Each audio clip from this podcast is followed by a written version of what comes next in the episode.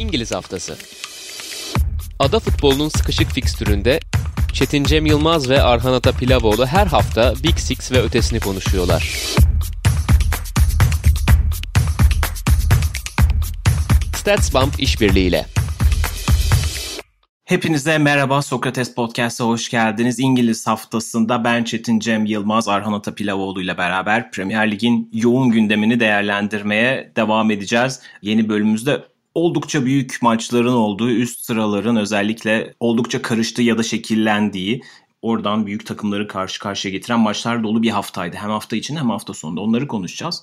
Ama yayının hemen başında öncelikle Sokrates'in Şubat sayısını konuşalım. Raflarda Arhan neler hazırladınız? Öncelikle çok güzel bir Şenol Güneş röportajı yapmışsınız Canerelerle beraber. Onu anlatmak ister misin? Ben de yayından önce dijital olarak sayfaları karıştırma fırsatı buldum. Çok keyifliydi. Abi çok teşekkür ederiz. Öncelikle evet bir Şenol Güneş röportajımız var. 10 sayfalık Şenol Hoca ile birlikte hem milli takım Euro 2020 dönemindeki fikirlerini hem Beşiktaş'tan ayrılış sürecini genel olarak Türk futboluna karşı düşüncelerini konuştuğumuz genişçe bir röportaj yaptık sevgili sevgili Caner Eler'le birlikte. Bu ayki kapak konularımız Stephen Curry, Victoria Azarenka ve Alperen Şengün. Azarenka'nın özel röportajı var Aras abi tarafından. Belaruslu tenisçiyle birlikte bir röportaj gerçekleştirdi. Gayet güzel bir röportaj. Onu da tavsiye ederim. Beşiktaş'ın ve Türk basketbolunun yükselen yıldızı Alperen Şengün, Uğur Ozan Sulağ'a konuştu. Onun haricinde futbol temalı içerikleri biraz söyleyeyim. Mark Kör, Emre Özcan yazdı Mark Kör'ü.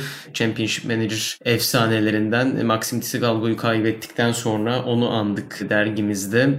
Başka Kubilay Türk Yılmaz röportajı var Atahan Altınordu tarafından. Fuat Yaman röportajı var. İlhan Özgen yaptı, İlhan Baba yaptı. Yine hem futbol hem de spor açısından çok geniş bir dergi. 71. sayımız Keşif Merkez konulu 71. sayımız ve tabii ki geçtiğimiz günlerde hayatını kaybeden Özkan Sümer onu andık hem Şenol Güneş röportajında Şenol Hoca'nın kendisiyle çok güzel anıları var. Onları okuyabilirsiniz. Hem de Sevecan Tunç'un kaleminden Özkan Sümer'i okuyabilirsiniz diyeyim.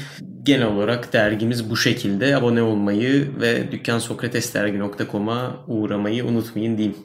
Evet. Şenol Güneş'le 3 sene oldu galiba artık evet. Bayern Münih serisinden önce son 16'da UEFA için yapmıştım bir röportaj. Gerçekten kendisi de diyor ya onunla konuşmak zaten onu dinlemek hep bir keyif. Röportajlarını da oldukça takip etmeye çalışırım denk geldikçe. Konuşmak da büyük keyifti. Sizden okumak da çok güzel oldu. Kendisi de röportajın sonunda demiş yani biraz Özkan Sümer'in vefatı da kendisiyle keşke işte bir kitap yazsaydı, nehir söyleşi yapılsaydı demiş. Hı hı. Bu da zaten galiba kendisinin de bir kitap yazmasını hani en azından o fikri biraz hızlandırmış galiba. Evet öyle gözüküyor. Dileriz. Bu sizin röportajınız da şey yapar. Böyle ışığı yakan bir şey olur. Olabilir. Çok kısa bir şey söyleyeceğim abi dediğinle ilgili. Genellikle insanlar Şenol Güneş'e neden böyle bir algı var bilmiyorum ama okumadan çok hızlı bir şekilde yargılıyorlar. Bence öyle yapmasınlar. Zaten genellikle takipçilerimiz böyle yapmaz ama dediğim gibi ya bir röportajı okuduktan sonra fikrinizi belirtirseniz çok daha sağlıklı olur diye düşünüyorum. Çünkü bence çok değerli sadece futbolla alakalı değil toplumla alakalı da güzel fikirleri var hocanın. Kesinlikle yani sadece Türk futbolu için değil genel olarak spor insanlarının röportajlarını okumak hep çok keyifli. Çünkü biz çok takip ediyoruz. Tabii ki çok izliyoruz sahadaki oyunu ama bazen asla aklımıza gelmeyecek çok küçük detaylarla ilgili şeyler söylüyorlar. Futbolcuların röportajlarını ya da işte teknik adamların röportajlarını okumak her zaman çok ufuk açıcı. Genelde insanlar işte gündemin cazibesine kapılıyorlar. Gündemle ilgili işte söylediği birkaç bir şey ya da sadece gündeme durduğu yerle ilgili çok eleştirmeyi seviyorlar ama böyle insanlar sonuçta Türkiye'nin değerleri, ağızlarından çıkan her şeyi böyle merakla izliyorum ben de. İzlemek lazım diye düşünüyorum. Bu arada bu hafta senin için de popülerite anlamında keyifli bir haftaydı. Seni de Londra merkez Sokrates YouTube kanalının popüler programında gördük. Evet abi. Belki orada artan ününle İngiliz haftasına da gelen dinleyicilerimiz olmuştur. Umarım öyle bir etki yapabildiysem de mutlu bana derim. Bir anda önüme düşen büyük bir sürpriz teklif oldu. Tam çıkıyordum ofisten. Onur abi çağırdı bir anda ve bambaşka bir noktaya evrildi. O Londra merkezdeki tek bölümlük bir saatlik kariyerim. Dediğim gibi bir anda kapıdan çıkarken kendimi sevgili Ozan Can Sülvün koltuğunda buldum. Evet o da keyifli bir bölüm olmuş. Londra merkezin tüm bölümleri gibi. Biz de gündemimize dönelim. Londra merkez demişken hafta içi bir Londra derbisi vardı Tottenham Chelsea. Hafta sonunda da belki de sezonun şu ana kadarki en parlak, en etkileyici maçlarından bir tanesi, en hikayeli eşleşmelerinden bir tanesi oynandı. Liverpool ve Manchester City arasında. Yani iki takımın son haftalardaki, son aylardaki eğrilerini karşılaştırdığımızda belki de çok şaşırtıcı olmayacak bir sonuçtu ama bunun gelişimi oldukça çarpıcı oldu. 4-1'lik bir sonuçla Pep Guardiola'nın takımı Anfield'dan galip ayrıldı. 2003'ten beri Manchester City ilk kez Anfield'da kazandı. Pep Guardiola ilk kez Anfield'da kazandı. Zaten çoğu zaman Guardiola-Klopp eşleşmelerinde ibre biraz daha Klopp'a dönüktür. Fakat Liverpool son haftalarda hep söylüyoruz zaten Kasım sonundan beri özellikle Aralık'tan beri diyelim sallanıyordu ve bu gerçekten ağır bir hafta oldu. Hem Brighton yenilgisi hem de City yenilgisiyle şampiyonluk yarışı artık hani bitmiş gibi görünüyor. Fiilen bitti yani açıkçası. Matematiksel olarak devam etse de ve Liverpool artık kendisini bambaşka bir mücadelenin içinde bulacak ilk dört savaşı içerisinde gibi. Öncelikle kazanan taraftan başlayalım. City hem de maç eksiğiyle müthiş bir fark yaratmış durumda. Şu anda Manchester United'ın da Everton'a puan bıraktığını da düşününce gerçekten müthiş bir hafta ve zirvede adeta yalnız kalmış durumdalar. Bir maç eksiğiyle 5 puan önünde Manchester City, Manchester United'ın. Öncelikle maçı ve Manchester City'yi sana sorayım. Abi dediğin gibi eğer eksik maçında kazanırsa en yakın takipçisiyle puan farkını 8'e çıkartacak City ki bu elit takımlarda artık geri dönülemeyen bir noktanın habercisi gibidir. Ben öyle 100 puanlı ya da Liverpool'un geçen sene yaptığı gibi büyük bir farklı şampiyonluk beklemiyorum ama en azından psikolojik olarak Solskjaer'in geçen günkü açıklamasını da göz önünde bulundurunca psikolojik olarak tamamen şu an ipler City'nin elinde gibi. Maça dönecek olursak ben geçen programımızda şöyle bir şey demiştim. Ya artık şu an psikolojik üstünlük senin de bahsettiğin gibi biraz Klopp'ta en azından favori olarak uzun zaman sonra çıkıyor Guardiola form durumu itibarıyla da iki takımın. Bu yüzden bunu bir mesaj galibiyeti olarak da alabilir Manchester City demiştim ki evet belki oyun inanılmaz dominant değildi. Zaten goller son 20 dakika içerisinde geldi dağıtıcı goller ama günün sonunda baktığımızda Liverpool'a bıraktığı hasar açısından gerçekten bir mesaj galibiyeti gibi oldu bence. İyice maçın özeline girecek olursak da bence belli birkaç nokta var. Onlardan bir tanesi City'nin yaptığı ikinci yarıdaki değişiklikler gibi geliyor bana. İlk yarıda çift pivot Cancelo Rodri'den oluşuyordu. Zaten bunu sene başından beri nasıl yaptığını pek çok programda konuşuyoruz. Ama maça tamamen Cancelo'nun daha 30. saniyeden topa sahip olduğu dönemde City'nin orta sahada başladığını gördük. En uçta Mahrez, Foden, Sterling ki bu çok alışık olduğumuz bir yapı değil. Genellikle ya Mahrez'i ya Sterling'i görüyoruz en uçta. Foden'ın daha çok kanatlardan içeriye doğru yaptığı koşuları alışkınız. Liverpool'da da biraz yine alışık olduğumuz düzen Wijnaldum savunma yönü Thiago sağ iç ki bu benim açıkçası maç öncesi değişeceğini düşündüğüm bir şeydi. Çünkü yoğunluktan da her zaman bahsediyoruz ve iki yeni stoper takviyesi yaptı Liverpool. Ben Davies ve Ozan Kabak. En azından ikisinden birisini alıp Henderson'ı öne atarsa o kaptanın hem psikolojik hem de fiziksel olarak yoğunluğunu rakibe hissettirmek isteyeceğini düşünüyordum ama elbette ki Jurgen Klopp bizden fersah fersah çok daha biliyor, bilgili o konuda ki ilk yarıda o kadar da açlığını hissetmedi o yoğunluğun. Çünkü Manchester City istediği kadar hatlar arasında rahat şekilde topu gezdiremedi. Birinci bölgesinden ikinci bölgeye çok çok rahat şekilde de topu geçiremedi. Ama ikinci yarıda işte biraz daha Guardiola'nın yaptığı taktiksel değişiklikler sanki meyvesini verdi. Çünkü ikinci yarıda kanatlarla bekleri takip ettirdi. Mendy ile Robertson'ı, Sterling ile Trent'i ki ilk yarıda böyle bir şey yoktu. Bunun da ben biraz etkili olduğunu düşünüyorum Liverpool'un caydırıcılığı konusunda. Bir de Liverpool deyince Curtis Jones'a bence kesinlikle bir parantez açmamız gerekiyor. Mükemmele yakın bir maç çıkardı. 90 dakikayı tamamlamamış olmasına rağmen hem Liverpool birinci bölgede, kendi birinci bölgesindeyken zaman zaman Henderson'ın sene içerisinde yaptığı gibi soldan üçüncü stoper olarak gibi top almaya geldi. Hem ikinci, üçüncü bölge arasına geldiğinde backstoper arasına koşuları yaptı. Böyle bir hediye paketi gibiydi. Hani her şeyin olduğu hediye paketleri olur ya. Yılbaşında alkol de olur, cips de olur, abur cubur da olur. Her işi yaptı yaptı yani Curtis Jones o açıdan. O yüzden bu kadar genç yaşta bu kadar üst bir performans yani taktiksel olarak üst bir performans gerçekten çok takdiri hak eden bir nokta. O ilk yarıda bahsettiğim noktalardan birisi de bence şuydu abi. Hani City'yi yenebilmek istiyorsanız iki şeyi yapabilmeniz lazım bence. Bir City'yi 50-60 metrede oynatmanız lazım. Hani City çünkü hiç istemiyor çok fazla geniş alana yayılmasını oyunun. Bir ona geniş alanı vermeniz lazım. Yani genişte oynaması lazım City'nin eğer kaybetmek istiyorsa. İki de o topu yere indirmemelisiniz City'ye karşı. Ki Liverpool bunu zaman zaman yaptı. Hatta ben ikinci yarı Jesus'u düşünür mü diyordum ama başka bir taktiksel düzenlemeyle Guardiola bu sorunu halletti. Genel olarak dediğim gibi ikinci yarı yapılan hamlelerle bence Guardiola biraz maçı aldı. Ama Liverpool'da hiç hak etmedi mi? Bence öyle bir maç yoktu. Zaten bu kadar elit takımlar arasında hep bahsediyoruz. O City'nin geçen sene pandemi dönüşü kazandığı maç hariç ben öyle ya bu takımda bu maçı hiç hak etmedi dediğim belki Şampiyonlar Ligi'ndeki Liverpool City eşleşmesi olabilir. Liverpool çok üstünde orada ama orada da City'nin hiçbir şey yapmadı değil. O yüzden yine biraz ortada geçen ama City'ye 70 sonrası tamamen kayan bir maç olduğu gibi geliyor bana.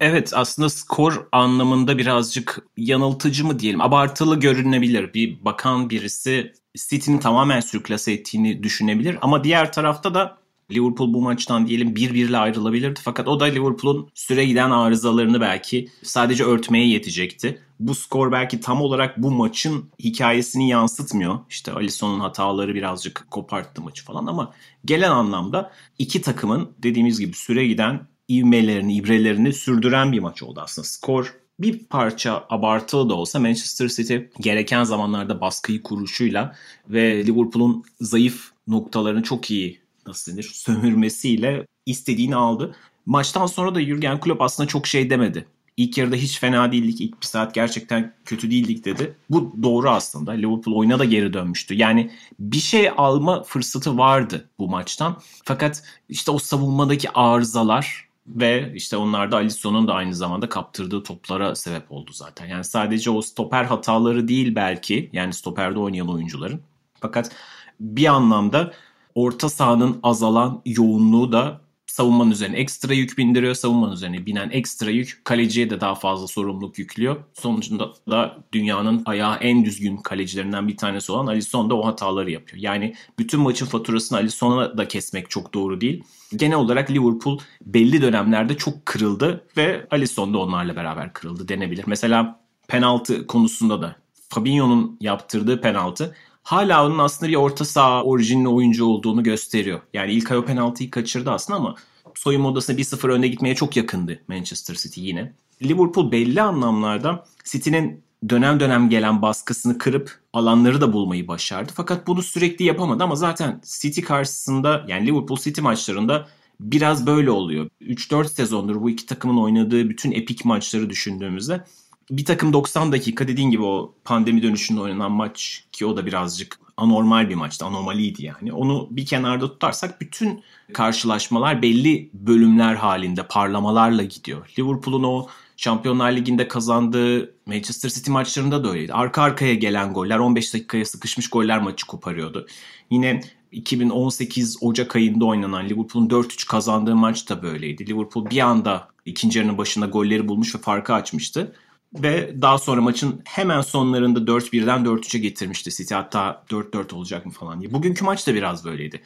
Liverpool birazcık daha reaktif başladı. City o baskıyı çok doğru yaptı. Liverpool'u çıkartmadı. Fakat daha sonra Liverpool belli bölümlerde pozisyonları buldu. İşte Mane'nin kafası başta olmak üzere. Daha sonra üstünlük tekrar City'ye geçti. Yani 0-0'da giderken çok keyifli ve iki tarafın düzenli olarak birbirine üstünlük kurmaya çalıştığı bir oyundu. Fakat neticesinde işte Liverpool'un birazcık Klopp'un da değişiklikleriyle beraber açıkçası orta sahayı birazcık daha vermesi sonucu da getirdi gibi geliyor bana. Yani mutlaka Klopp'un orada bir planı vardı. İşte Curtis Jones'u ve Thiago'yu çıkartırken Milner ve Shakiri değişiklikleri. Fakat yani kağıt üzerinde de çok anlamlandıramamıştım. Zaten onun sonrasında hemen çöktü. Curtis Jones gerçekten çok Geçtiğimiz hafta West Ham maçında James Miller yerine oyuna girmişti. Girer girmez de gole katkı yapmıştı. O birazcık tabii ki hani denk geliş. Fakat Curtis Jones'un enerjisi, ceza sahası yakınlarında dolaşması, oraları karıştırması, diğer taraftan prese yardımcı olması. Dediğim gibi çok her kilidi açan bir oyuncu. Ama onun yerine işte James Milner ve Şakiri gelince başka bir oyun oynanabiliyor ama bu City karşısında takımın tamamen çökmesine sebep oldu. Üzerine işte gelen hatalar. Bütün hikayeyi bu arada dediğim gibi ben Alisson üzerine kurmak istemiyorum.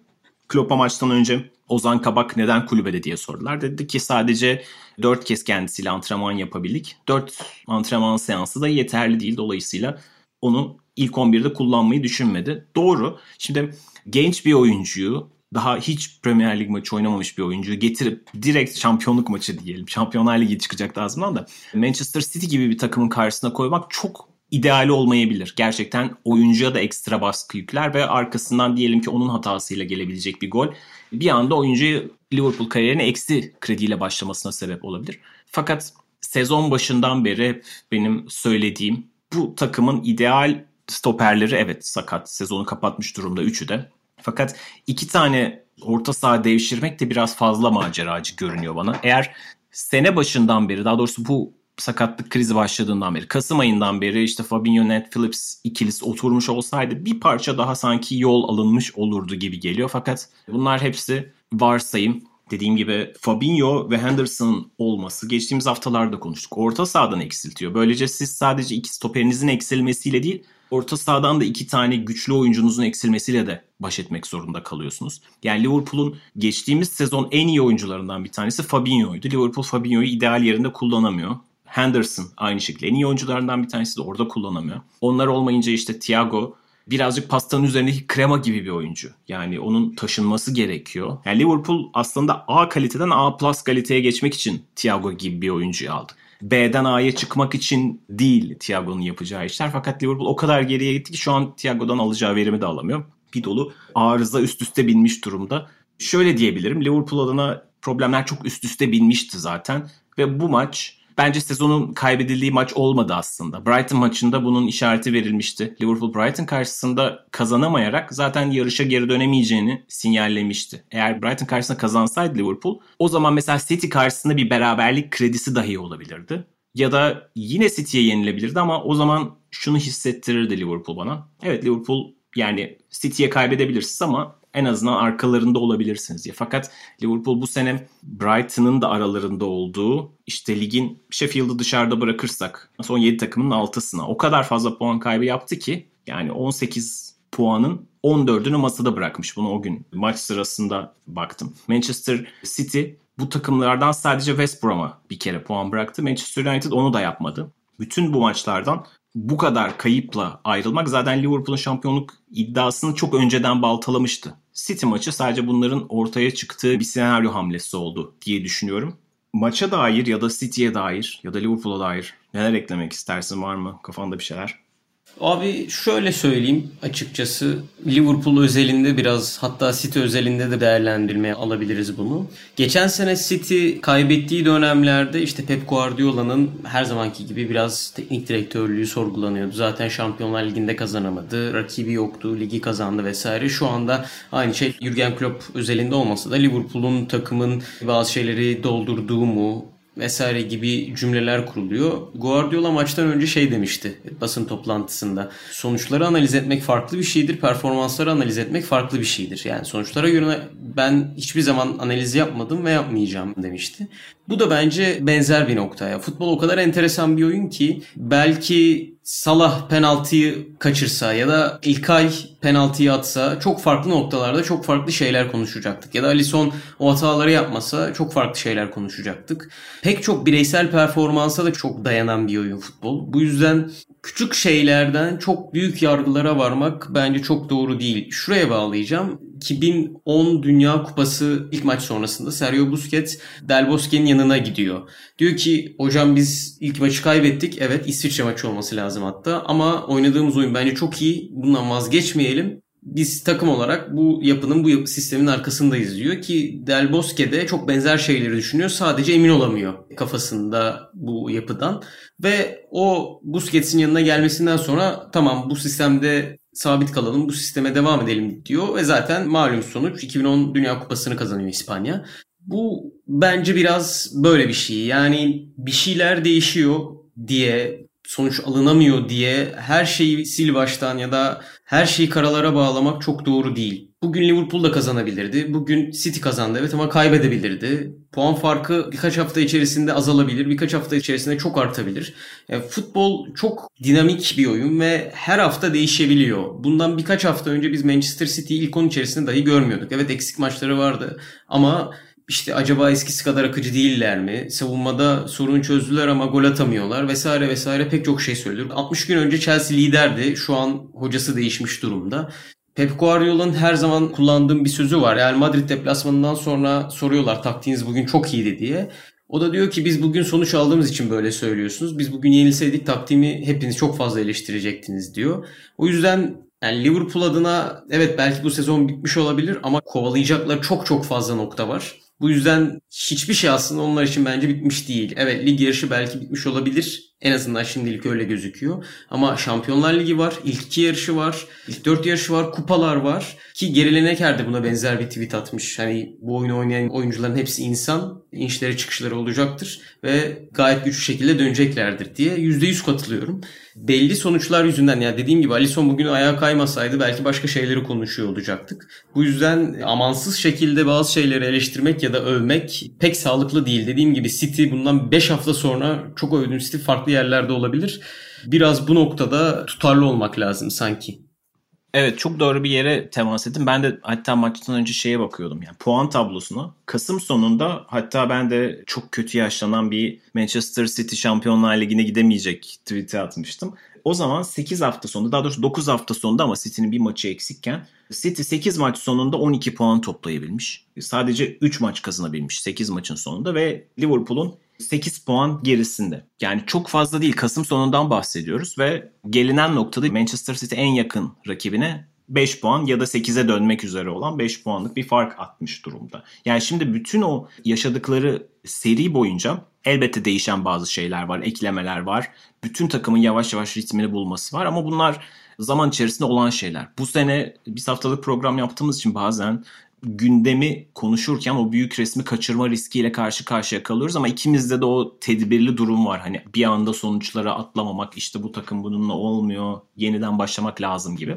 Şimdi geçtiğimiz sezon Liverpool nasıl kopup gittiğinde Manchester City yarışı bırakmadı. Kendi içerisinde kendini geliştirmekle devam etti ve şu anda gelinen noktaya ulaştıysa Liverpool için de böyle bir sezon olması gerekiyor diye düşünüyorum. Yani geçen sezon Manchester City Liverpool'u çok uzaktan takip etti. Kendi standartları da başarısız sayılabilecek bir sezon yaşadı Guardiola'nın talebeleri. Fakat ligin yeniden başlamasından sonra ritmini tekrar bulmaya başladı. Kazanma alışkanlığı, seriler yakalama, işte önce gol yolları, sonra savunma çözümleri şeklinde yavaş yavaş ilerledi ve tekrar bildiğimiz Manchester City kimliğine geri döndü. Bunlar dönem dönem olan şeyler. Liverpool adına birden olağanüstü bir şekilde işte bütün yıldızları satın sıfırdan yeniden yapılanın gerektirecek bir durum yok. Ama belli noktalarda arızalar söz konusu. Evet bu arızaların bir kısmı sakatlıklar iyileştikten sonra gelecek sezon kendiliğinden de çözülebilecek şeyler. Fakat Liverpool'un evet işlerin yolunda gitmediği ortada. Fakat şu anda şampiyonluk yarışı içerisinde olmadıkları da belki Liverpool'a bir kafa rahatlığı verecektir. Ki Jurgen Klopp hep aynı şeyi söylüyordu. Bu geçtiğimiz haftalarda kötü gidişte de. Yani Liverpool biz şampiyonluk falan düşünmüyoruz. Maçları kazanmaktan bahsediyoruz diyordu. Şu anda Liverpool'un tekrar yapması gereken maçları kazanmak. E bu arada ligin birazcık Manchester United şansı var gibi görünüyor. Çünkü hala City'nin zorlu karşılaşmaları var. Yavaş yavaş liginde yarışı Liverpool'un, Leicester City, Chelsea, işte arkadan gelen Tottenham, West Ham, Everton gibi sezonun iyi takımları falanla beraber artık oralarda 3-4 içerisinde tutunma mücadelesinde olacak gibi görünüyor. Buradan yavaştan Manchester United'a geçelim. Onlar da açıkçası hem Liverpool'un hafta içerisinde tökezlemesi hem de City'nin Anfield Road'a gelişi üzerinden bir şampiyonluk için tekrar umutlanma noktasına gelmişlerdi. Hatta belki de yakalayabilecekleri bir haftaydı aslında. Gerçekten Everton'ı yenseler, Liverpool'da City'yi yense United kendisini tekrar zirvede başa baş bulacaktı. Fakat bir anda 5 puan geriye düşmüş oldu. Yani son son saniyede maçın son topuyla beraber Dominic Calvert-Lewin'in attığı gol United'da gerçekten işleri epey bozdu gibi. O maçı konuşalım biraz. Yani çok gidip gelen çok keyifli bir maç oldu. Açıkçası çok fazla hatalar vardı. Belki futbol kalitesi anlamında hani kusursuz oynanmadı bu maç. Fakat Bruno Fernandes'in, James Rodriguez'in golleri, işte iki kalecinin de hataları derken oldukça keyifli. Belki de Premier Lig'de hafta sonunun en keyifli maçı oynandı. United ve hatta Everton üzerinden neler söylemek istersen bu maça dair hem de bu iki takımın iddiasına dair. Abi aslında tam bitirdiğimiz noktadan başlanabilecek bir maçtı. Son dakikada Carlos golü atmasa şu an 48-50 olacaklardı. City o kayıp maçını kaybetse 2 puanlık fark olacak işte. Tam olarak bundan bahsetmek istiyordum. United Everton üzerine geçecek olursak da Bruno Fernandes'in gerçekten bir takımı alıp başka bir noktaya götürdüğünün yine güzel bir örneği. Son senelerde insanlar bunun pek mümkün olmayacağından bahsediyordu. Hani süper takımlar çok fazla çoğaldı. Zaten çok fazla yıldız var. Bir tane oyuncu alıp tamamen tüm takımı değiştiremezsiniz. Galiba geçtiğimiz günlerde de bir İngiliz yorumcu Gary Neville olabilir belki. Yani Bruno Fernandes geldiğinde böyle bir etki yaratabileceğini hiç düşünmüyordum demiş. Ama hani Van Dijk, Ruben Diaz, şimdi Bruno Fernandes gerçekten üçü de takımlarının tüm yaralarına merhem olmuş noktadalar. Attığı gol inanılmaz bir gol. Yani bu kadar rahat bir şekilde sanki koordinat girmiş şekilde atması şaşırtıcıdan öte bir noktaya taşıyor. Maç üzerine geleceksek de United'ın yine belli bir seviyeyi psikolojik olarak aşması gerektiğini düşünüyorum ben. İyi bir takımlar, ne yapmak istedikleri belli ama Solskjaer'in sanki tam bir sene sonra istediği kadroyu ben göreceğimizi düşünüyorum. Çünkü kadrodan kastım takım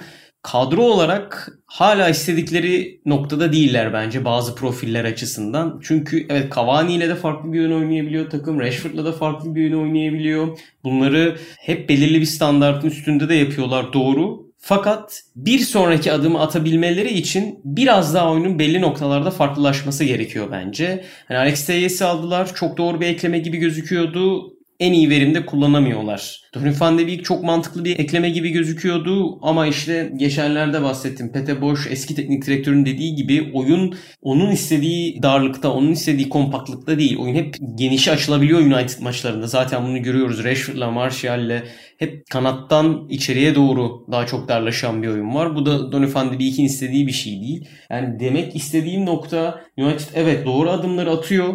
Doğru rotada ilerliyor ama bu rota en azından 2020-2021 sezonu için onları şampiyonluğa götürecek kısalıkta değil. Biraz daha uzun bir yolları var. Biraz daha uzun bir rotaları var. Biraz daha arkadan dolaşıyorlar. Ama doğru eklemelerle o arkadan dolaşmayı çok kısa vadeye taşıyabilirler gibi geliyor benim için. Şöyle bitireceğim. Bu bence çok güzel bir hikayeye doğru yol açıyor. Çünkü kendi oyuncunuzla emin olmadığınız Ocak ayında getirdiğiniz, Molde'den para vererek getirdiğiniz bir teknik direktörün sizi buralara kadar getirmesi günümüz futbolunda hemen hiçbir kulüpte olmayan bir şey. Yani Bayern Münih evet Hans Flick yine Ocak'ta alıp inanılmaz noktalara taşıdı ama Bayern Münih'in zaten geldiği noktada ortada. Bu kadar sorunlu teknik direktörlerle çalıştıktan sonra Solskjaer'in bu noktaya gelmesi beni gerçekten çok mutlu ediyor ve bazı noktalarda artık teknik direktörlere biraz daha sabır gösterme konusunda bence güzel bir örnek olma yolunda ilerliyor. İlerleyen dakikalarda konuşuruz mesela yine Mourinho hakkında eleştiriler geliyor. O noktada da bence gerçekten bazen hocaların zamana ihtiyacı olduğunu ve bu zamanın öyle 2 sene, 3 sene değil de bazen arkalarına aldığı destekle sadece 2 hafta içerisinde bile nelerin değişebileceğine güzel bir örnek bence Solskjaer. Çünkü yine sene başında onun hakkında da konuşuyorduk. İlk Everton maçını hatırlayacaksındır abi. Goodison Park'ta kazanmasa kovulması çok muhtemel bir hocaydı Solskjaer. Kazandı, inanılmaz bir seriye bağladı. Dediğim gibi hocalar evet zaman istiyor, bu doğru ama daha da önemlisi bence zor anlarda aldığı desteklerle çok farklı noktalara taşıyabiliyorlar takımını. Bu bence işte Graham Potter için de geçerli, David Moyes için de geçerli, 9-0'ı Leicester'dan yediğinde Ralph Hasenhüttl için de geçerli, Marcelo Bielsa için de geçerli. Yani hocalara zaman vermek sadece onlara 5 sene vermek değil, en zorlu anlarda bence arkalarında durabilmekten geçiyor. Son olarak şunu söyleyeceğim Guardiola'nın bir sözüyle. Futbol iyi günleri nasıl idare ettiğiniz değil, kötü günleri nasıl idare ettiğiniz der. Bence tam olarak da bu demek istediğim şeyi biraz açıklıyor sanki. Evet çok güzel toparladın. Gerçekten yani biz burada Manchester United'ın özellikle Solskjaer'in ne kadar baskı altında olduğunu konuştuğumuz günler gördük. İşte Başakşehir yenilgisi, Şampiyonlar Ligi'de ilk 4 maç sonunda grupta liderken gruptan çıkamadılar. 6-1'lik Tottenham yenilgisi. Bunlar sırasında sürekli hocanın kovulacağı, işte Pochettino'ya gidileceği falan filan. Bunlar konuşuluyordu, yazılıyordu. Yani belki de direkten döndü pek çok anlamda Solskjaer ama kalmasının ne kadar aslında anlamlı olduğu şu anda ortaya çıkıyor. Yani evet şu anda belki yarıştan bir adım uzaklaşmış olabilir. Belki bu sezon nefesleri yetmeyecek de olabilir ama bana biraz şu an hafif geri çekilip baktığımda 2018 ve 19'un Liverpool'unu anımsatıyor aslında bu Manchester United. Ligin belki en sağlam takımı değil ama böyle izlemesi en keyif veren, en böyle gang ho, Rus ruleti gibi takımlarından bir tanesi haline geldiler. Bir hafta içerisinde Southampton'ı 9-0 yendiler. Everton'da da sezonun en keyifli maçlarından bir tanesini oynadılar. Şu anda baktığımızda ligin en çok gol atan takımı ama aynı zamanda tablonun ilk yarısının en fazla gol yiyen takımı. Yani ligin 10.sü dahil United'dan daha fazla gol yiyen bir takım yok. Savunmadaki arızaları şüphesiz gidermeleri gerekiyor. Ama gerçekten hani bir gün bir cumartesi günü evdesiniz. Manchester City'nin maçı var, Liverpool'un maçı var. Artık maçlar aynı anda oynanmıyor ama ve Manchester United'ın maçı var. Hangisini seçersiniz? Muhtemelen en keyifli, en bol gollü olan maç Manchester United'ın maçı olacaktır bu takımlar arasında. Çünkü Yine sizin Sokrates'teki Şenol Güneş röportajında söylediğiniz gibi hani Şenol Güneş'in söylediği gibi biraz maçlar daha durgun, daha yavaş oynanıyor gibi bir şeyden bahsetmişti. Jose Mourinho örneği de orada siz vermişsiniz.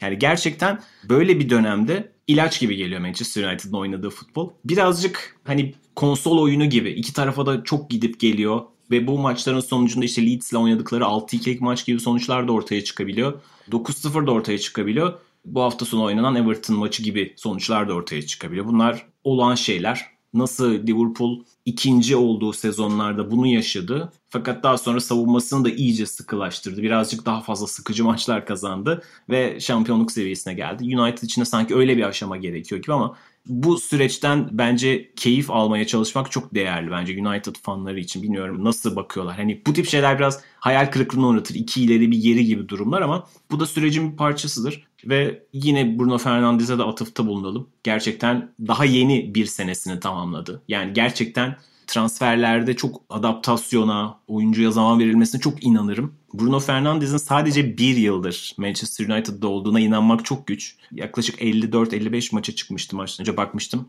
45-50 civarı gol asist toplamı var. Yani neredeyse hiçbir maçı da kaçırmadan, hiç mola bile almadan lig, kupa, Avrupa Ligi her seviyede ve neredeyse hiçbir maçta gol katkısı yapmadan geçirmeden bir seneyi doldurmuş durumda. United'ı çok üste taşıdı. Olağanüstü bir gol attı. Her an büyüyü yaratabilen oyunculardan bir tanesi. Everton'da da işte James Rodriguez sakatlığı sebebiyle düzenli oynayamıyor ama oynadığında nasıl büyük bir yetenek olduğunu izlemek çok değerli. Ancelotti onun için şöyle söyledi. Onu hani korumamız gerekiyor dedi gerçekten ve her maç 90 dakika oynayabilecek kadar fit olsa, sakatlık sorunu olmasa ligi gerçekten hani sallayabilecek oyunculardan bir tanesi olduğunu gösterdi. İşte yıldız oyuncular size bunu yapıyor. Sadece bir dokunuş, kenardan gelen topa olağanüstü bir kontrol ve tek vuruşuyla Everton'ı oyuna soktu. Ve işte böyle bir oyuncunuz olduğunda her zaman oyunda kalabiliyorsunuz. Dominic Calvert-Lewin de bu arada hakkını vermek gerekiyor. Olağanüstü bir sezon geçirmeye devam ediyor. Belki çok baskın değildi Everton bu maçta fakat takımı sürekli ileriye taşıyabilmesi, top tutabilmesi çok ideal bir forvete evrildi gerçekten. Yani eskiden Sadece kontratakta oynaması gerekiyordu. Everton'ın daha çok topla oynadığı maçlarda da etki yaratabiliyor. Duran toplarda da etki yaratabiliyor. Koşması gerektiğinde, işte topu taşıması gerektiğinde de etki yaratabiliyor. Everton çok konuşma fırsatımız olmadığı için hazır gündeme gelmişken iki maç eksikleriyle 37 puanda olduklarını ve aslında hala ilk 4 için çok ciddi bir aday konumunda olduklarını da altın çizerek bahsetmek istedim. Bu haftanın da gerçekten en keyifli maçlarından bir tanesiydi. Chelsea Tuchel yönetiminde kazanmaya devam ediyor. 4 maçta 10 puan oldu. Sheffield United deplasmanında da çok kısa bir süre bunaldılarsa da özellikle Rüdiger'in kendi kalesine attığı talihsiz golle kazanmayı başardılar. Hafta içerisinde oynadıkları Tottenham maçında da yine bir penaltı golüyle kazanmayı başarmışlardı. Çok kritik fikstürlerden puanları toplayarak çıktı Chelsea ve suyun üstüne çıkmış gibi görünüyor. Geçtiğimiz hafta Tuchel'ın neler değiştirdiğini aslında detaylı olarak konuşmuştuk ama yine de üstünden geçmek gerekiyor. Çok değerli iki galibiyet sonucunda ilk 4 yarışında çok ciddi bir faktör olacaklarını ispatladılar artık. Şu anda 5. sıradalar ve ivmesi en yukarı çıkan takımlardan bir tanesi olarak görünüyor. Sen ne dersin Chelsea'ye dair? %100 öyle abi. Şu anda bence ilk 4 yarışındaki en avantajlı takım şu açıdan ne yaptığını bilen ve ilk defa bu işleri uyguladığı için rakiplerin analiz etmesi biraz daha zor olan bir takım. Tabii ki teknik direktörler, analistler ne yaptıklarını çok iyi biliyorlar. Ama şu andaki momentum onlara bence ekstra bir ivme, bir itme kazandırıyor. Timo Werner Sheffield maçının sonunda çok çok güzel bir açıklama yaptı. Futbolcuların, teknik direktörlerin oyunun içine biraz daha fazla açıklama yapması bence bizler için de çok önemli. Çünkü gerçekten ufkumuzu 5-6 pencere açabiliyorlar. Zaten gözüken bir şeydi aslında maç esnasında. Biraz daha sol kanattaki 10 numara gibi oynuyorum. Yani tam bir sol kanat değilim. Tam bir 10 numara da değilim. Sol 10 adını verdiği bir bölgede oynuyorum dedi. Ki zaten half space arasında çok gezinen, backstopper arası koşuları çok iyi yapan, ne kaleden uzak ne tamamen kanatta böyle hem asist beklentisini yukarıya çekebilecek hem de gol beklentisini yukarıya çekebilecek bir noktada konumlandırdı Tuchel onu ve o krediyi de vermiş zaten hocanın yaptığı çok iyi bir değişiklikti bu benim adıma dedi. %100 katılıyorum hem Tuchel hem Werner'e mükemmel bir nokta atış yaptı bence Tuchel orada. Çünkü evet Werner tam alışamadı. Alışabilmesini biraz daha kaleye yakın, biraz daha takım arkadaşlarına yakın oynayabilmesini ve o baskıyı da ondan alacak bir noktada onu konumlandırabilmesi çok çok önemliydi ve 12'den vurdu bence onu. Hem ana forvet değil ama ana forvetin arkasına sarkıp onun verdiği paslara hareketlenip kendisini çok farklı noktalarda konumlandırabilir ilerleyen haftalarda Werner. Bu yüzden bence hem gol hem de asist beklentisi yükselecek Alman oyuncunun. Biraz istatistikleri kurcaladım. Statsbomb'dan aldığım verileri hemen paylaşayım abi sana. Tuchel sonrası kalesinde en az gol beklentisi gören ikinci takım şu an Chelsea. Bu bence çok değerli. Sheffield maçı aç gol yemediler. Sheffield maçındaki golü de zaten bahsetti. Rüdiger'in attığı gole çok gol demek hani pek doğru sayılmaz. Yani düzenli bir gol yok. Evet bir baskı var ama çalışılmış bir organizasyon sonunda yenmiş bir gol değil. Ve PPDA'dan programda hep bahsediyoruz. Şu an o baskı metriğinde ligin lideri Chelsea. Bu Wolverhampton maçından sonra Tuchel'in biraz altını kazıdığı bir noktaydı. Son 20 dakikada müthiş baskı yaptık demişti. Bu da bence çok değerli. Şu anda ne yapmak istediğini çok iyi bilen ama mesela bazen çok ne yapmak istediğinizi bilirsiniz ama puan alamazsınız. Şu an Chelsea bunu yapıyor. Bence en en önemli nokta o. Hani muhtemelen Tuchel şu anda puan durumuna bakmıyordur. Neredeyiz, ne yapıyoruz, ne ediyoruz diye. Haftaya fikstür kim? Biz bu 3 puan nasıl alabiliriz? Biz bu sistemi biraz da oyunculara nasıl empoze edebiliriz derdindedir. Savunmasını çok iyi şekilde düzeltmiş gözüküyor oyun bölgelerinin yoğunluğu değişmiş gözüküyor. Artık kanattan hücum eden net bir şekilde belli olan genişliği kanat beklerin verdiği bir Chelsea var. Her şey, her görev bence oyuncular 12'den isabet etmiş gibi. Bakalım Chelsea'nin yolu en azından momentumla birlikte çok parlak gözüküyor. Evet, Manchester City ve Chelsea ile beraber ligin şu anda en formda 3 takımından diğeri de Brighton. Doğal sayılar.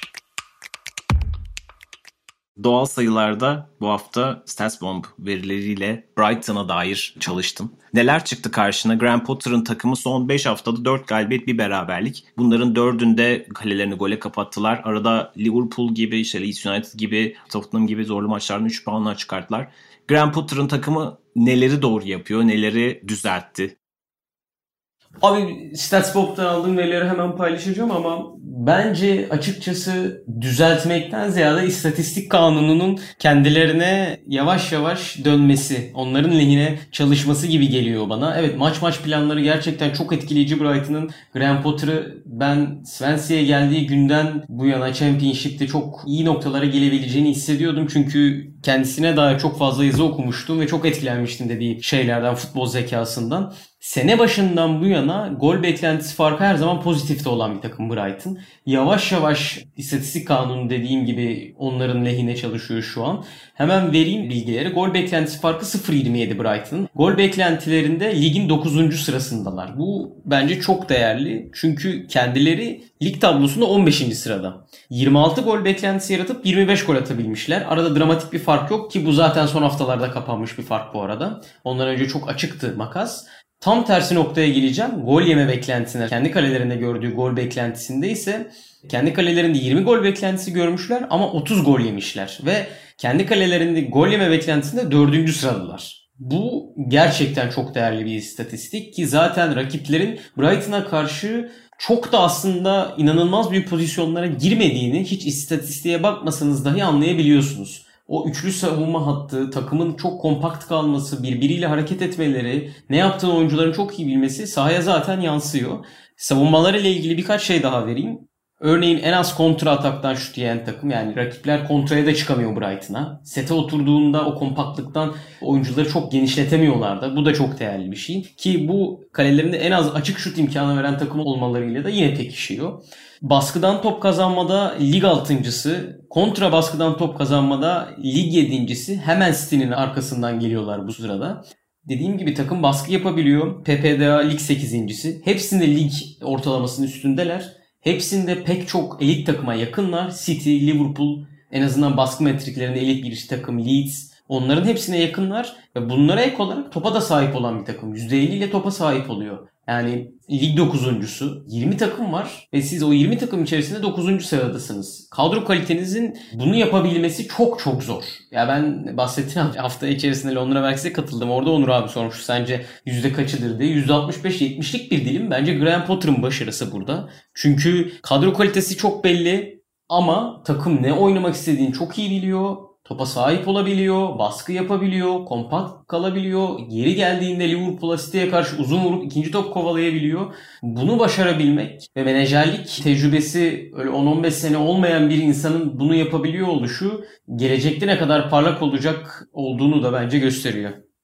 Graham Potter'ın zaten ta Östersund'dan beri hani bir şekilde Türk futbol severiyle de yolu kesişmişti. O zamanlardan da çok ilginç şeyler yaptığını işte hem oyuncularıyla beraber yarattığı modeli yakından takip etme fırsatı bulmuştuk gerçekten. Aynı şekilde geçtiğimiz sezonda sahada izlediğinizde Premier Lig takımlarının çoğundan özellikle hani alt sıralardaki takımların çoğundan bir şeyleri daha iyi yaptıklarını, sahaya başka bir şeyler koymaya çalıştıklarını görüyordunuz ve bunu bir şekilde istikrarlı olarak yansıtamıyorlar. Hani pek çok o sırada Wolves olsun, Sheffield United olsun beklentilerin üstünde performans gösteren 6. 7. sıralara oynayan bazı takımlar da oldu. Brighton o şekilde bir hani tırmanamadı. Hep düşme mücadelesi içerisinde kaldı. Bu takımın da yani kulübün ona ve projesine inanmasının ne kadar değerli olduğunu gösteriyor. Biraz az önce konuştuğumuz konudan da bağlarsak. Yani Brighton bu sezonun ilk yarısında da çok iyi maçlar çıkarttı. Son düdükten sonra kaybettikleri bir Manchester United maçı var mesela. Tottenham karşısında çok iyi oynadılar 2-1 kaybettiler. Liverpool'a karşı hiç oyunu bırakmadılar. Son dakikalarda 2-2'lik beraberlik aldılar. Yani hiçbir takıma karşı aslında havlu atmıyorlar ve benzer şekilde oyunun içerisinde kalıyorlar. Çoğu takımda bunu göremiyorsunuz aslında. Bazı takımlar daha çok hedef maçları belirliyor. Bazı maçlar daha çok kapanıp oyunu kendi yarısı aslında kabul ediyor. Fakat Graham Potter'ın Brighton'ın hep bir planı olduğunu görüyorsunuz. Dolayısıyla onun da takımının toparlıyor oluşu Premier Lig'e kesinlikle keyif ve renk katıyor. Günlerin köpüğü Programın sonunda günlerin köpüğünde Ozan Kabak'tan kısaca bahsetmek istiyorum. Aslında Ozan Kabak'a dair çok fazla söylenecek şey yok. Daha doğrusu sizin de bilmediğiniz bir şey yok. Kendisinin nasıl çıkışa geçtiğini hepimiz gözlerimizin önünde gördük. Galatasaray'da Serdar Aziz ile Maykonlu sezonda işte bir tanesinin sakatlığı sırasında forma şansı buldu. Daha sonra o unutulmaz Schalke maçında ilk Şampiyonlar Ligi maçına çıktı henüz daha 18-19 yaşındayken ve kumaşı, yeteneği gerçekten çok belliydi. Galatasaray'ın da çok problemli sayılabilecek bir Şampiyonlar Ligi deneyiminde. Hani tecrübeli bir oyuncu gibi Muslera ile beraber çok kritik 4 maçta oldukça başarılı performanslar çıkarmıştı. Zaten potansiyeli belliydi. Çok kısa süre içerisinde kendini Stuttgart'ta buldu. Stuttgart'ta küme düştü. Benjamin Pavard'lı. Çok özel bir aslında enteresan bir takımdı bu ama benim de sempatiyle takip ettiğim Union Berlin karşısında relegasyon turunu kaybedip küme düştü. Bundesliga'da kaldı. Schalke'nin çok kötü bir periyoduna denk geldi. Ve nasıl Galatasaray'da işte sakatlıklar sayesinde önü açıldıysa Liverpool'daki sakatlık krizde ona bir ışık yakmış oldu. Çok heyecan verici bir transfer. Henüz 20 yaşında bir oyuncu ve Liverpool'un stoperi olacak artık önümüzdeki haftadan itibaren ve işte hani kaderin cilvesi mi denir? İlk rakibi de Leicester City olacak. Çağlar Söyüncü'nün Leicester'ına karşı. Premier Lig'de özellikle Tugay ve Tugay'ın diyelim yarattığı o Türk rüzgarı çok özeldi. Geçtiğimiz sezon Çağlar Söyüncü'nün performansı da Leicester City'de bir özellikle sosyal medyada işte Türk duvarı hikayesini yarattı.